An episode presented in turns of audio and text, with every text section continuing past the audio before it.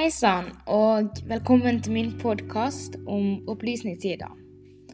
Eh, I denne podkasten vil jeg ta for meg karaktertrekk og kjennetegn rundt opplysningstider, med hjelp av en vinkling inn i to tekster av Ludvig Holberg.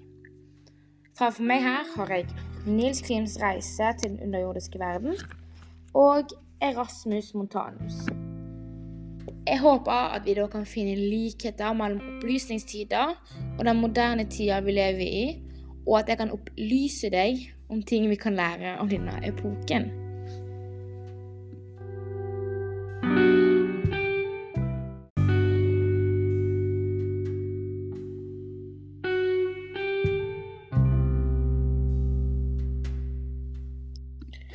Opplysningstider som en periode gikk føre seg mellom barokken og romantikken.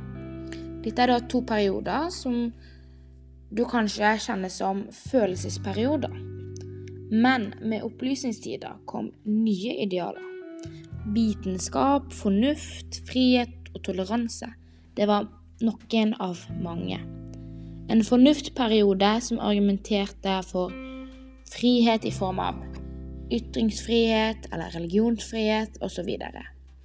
Opplysningstida fremstår som utrolig viktig på dette punktet. En stor faktor i å definere det moderne samfunnet vi kjenner til i dag. Folk debatterte offentlig om menneskerettigheter, frihet og likhet, som f.eks. inspirerte den franske revolusjonen til å forandre de politiske styringsprinsippene. Vi skal snakke om Ludvig Holberg og hans verk, men først vil jeg fortelle deg om han som forfatter. Den største norsk-danske forfatteren på 1700-tallet når opplysningstida sto sentral.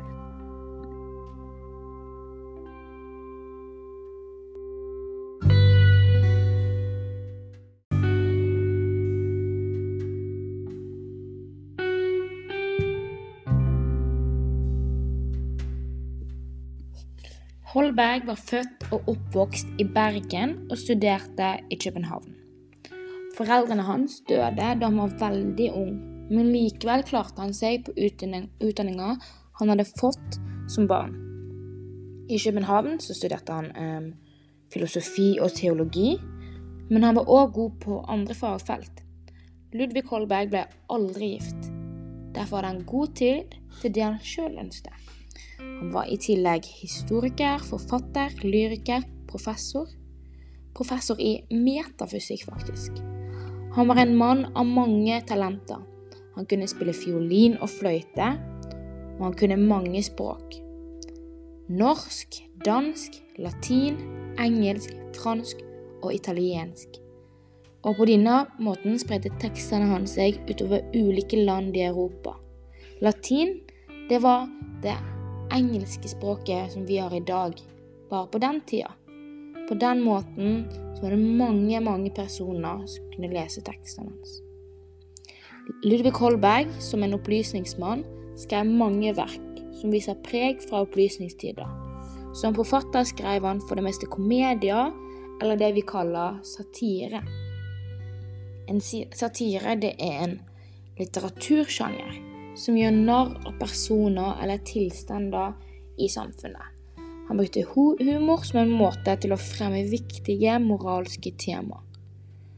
Temaer som var aktuelle, sentrale under opplysningstida. Han skrev roman, brev, manus, prosafortellinger, essays, dikt og satire. Alle sjangrene bidro flittig til å opplyse folk og spre hans budskap spesielt når han skrev karakterkomedier. Komedier der hovedkarakteren ofte hadde en negativ side eller lass som førte til konflikt. Dette fører til intriger og forviklinger som gir hovedpersonen et nederlag, som hovedpersonen da vil lære av. Holberg brukte denne måten for at leseren skulle lære i lag med hovedpersonen. Og Holberg får fram et poeng. Han moraliserte.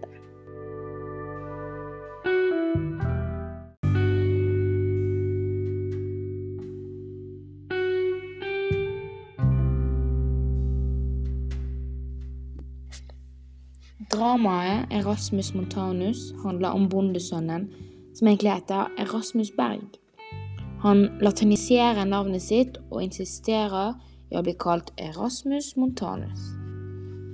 Bondesønnen returnerer hjem fra filosofistudiene i København, og foreldrene hans er utrolig stolt av å ha en lærd mann i familien. På 1700-tallet var høyere utdanning nemlig et privilegium for de få. Foreldrene hadde jobba hardt for å få betale for studiene. Som tidligere sagt, så var det mer vanlig å ha offentlig debatt i opplysningstida. Under Rasmus sin heimkomst han, hadde han bare lyst å disputere på latin, men ikke for å drøfte temaer med andre eller å lære. Han ville vise sin egen intelligens og overlegenhet. Han brukte hersketeknikker for å gjøre personen han snakka med, mindre. Dette er noe som er aktuelt i dag i arbeidslivet, i vennemiljøet, men òg i politiske debatter, f.eks. I brev fra Rasmus til faren skriver han på latin. Faren, som er en ulærd bonde, forstår ikke dette, på samme måte som når Rasmus vender hjem og han snakker med bruk av fagfeltene han har studert på Universitetet i København. Etter hvert så begynner jo alle å anse han som gal pga. hans påstander om verdensbildet. Folk i landsbyen er religiøse og begynner å mislike ham.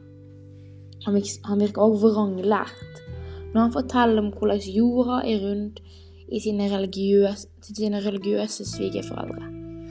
Dette setter Rasmus sitt avtalte bryllup i fare. Landsbyboerne spøker da med Rasmus. De verver han inn som soldat, sånn at han ikke kan være student lenger. Rasmus sin stolthet står for døra, og du ser en ydmyk og angrende gutt. Han slipper taket på jord, at jorda er rundt. Han gir slipp på sin, alt han har lært, gir slipp på vitenskapen for kjærligheten, men òg for å gå tilbake til studiene sine. Dette gjør at Rasmus fortsatt er student, og at hans forlovede er tilbake i armene hans. Nils Klims underjordiske reise det var òg et verk av Ludvig Holberg, men det var hans eneste roman. Romanen omhandler Nils Klims, en nyutdanna mann som har kommet tilbake til Bergen fra København. Her kan vi se en likhet mellom Erasmus Montanus og Nils Klims underjordiske reise, fordi de begge omhandler en hovedperson som studerer i København. Her kan vi trekke tilbake til, til Ludvig, som sjøl har studert i Bergen. Han tar inn noe fra sitt personlige liv. Nils han er en nysgjerrig mann, og han bestemmer seg for å undersøke jord og stein på Fløyfjellet i, Bergen. Han finner da ei hule som han faller ned i. Han faller ned i jordas indre til han kommer til en planet kalt Nasar. Han lander i en by kalt Putu, som da kommer fra ordet utopia. Nils Klims oppdager raskt at samfunnet her fungerer, fungerer annerledes. Menn og kvinner er likestilte, og Putu som et land har religionsfrihet. Nils så på dette som rart og prøvde å forstå de mange samfunnene han hadde møtt på. Dette var de idealene som var diskutert rundt opplysningstida, og videre i historien. Nils Klims levde i idealsamfunnet mange snakka om, der kvinner og menn hadde like muligheter. Nærast et drømmescenario, spør du meg. I vår moderne tid er kjønnsdimensjonering fortsatt et tema som angår mange land og det samme gjelder religionsfrihet. Nils Klimse lærte om samfunnet de levde i, og kulturen rundt. Han ble etter hvert mange år, etter mange år en diktator med mye makt. Men ut av det blå faller han tilbake opp hula til Bergen. I Bergen har det gått tolv år, og Nils han finner en gammel venn som får høre om eventyret han hadde vært på.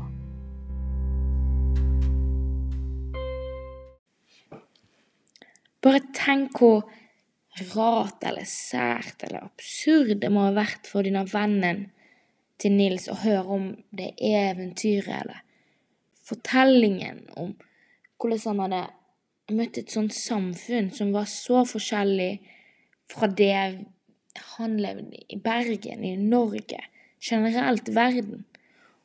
Det må ha vært utrolig, en utrolig rar følelse å kjenne på det at det fantes fullstendig likestilling eller fullstendig religionsfrihet.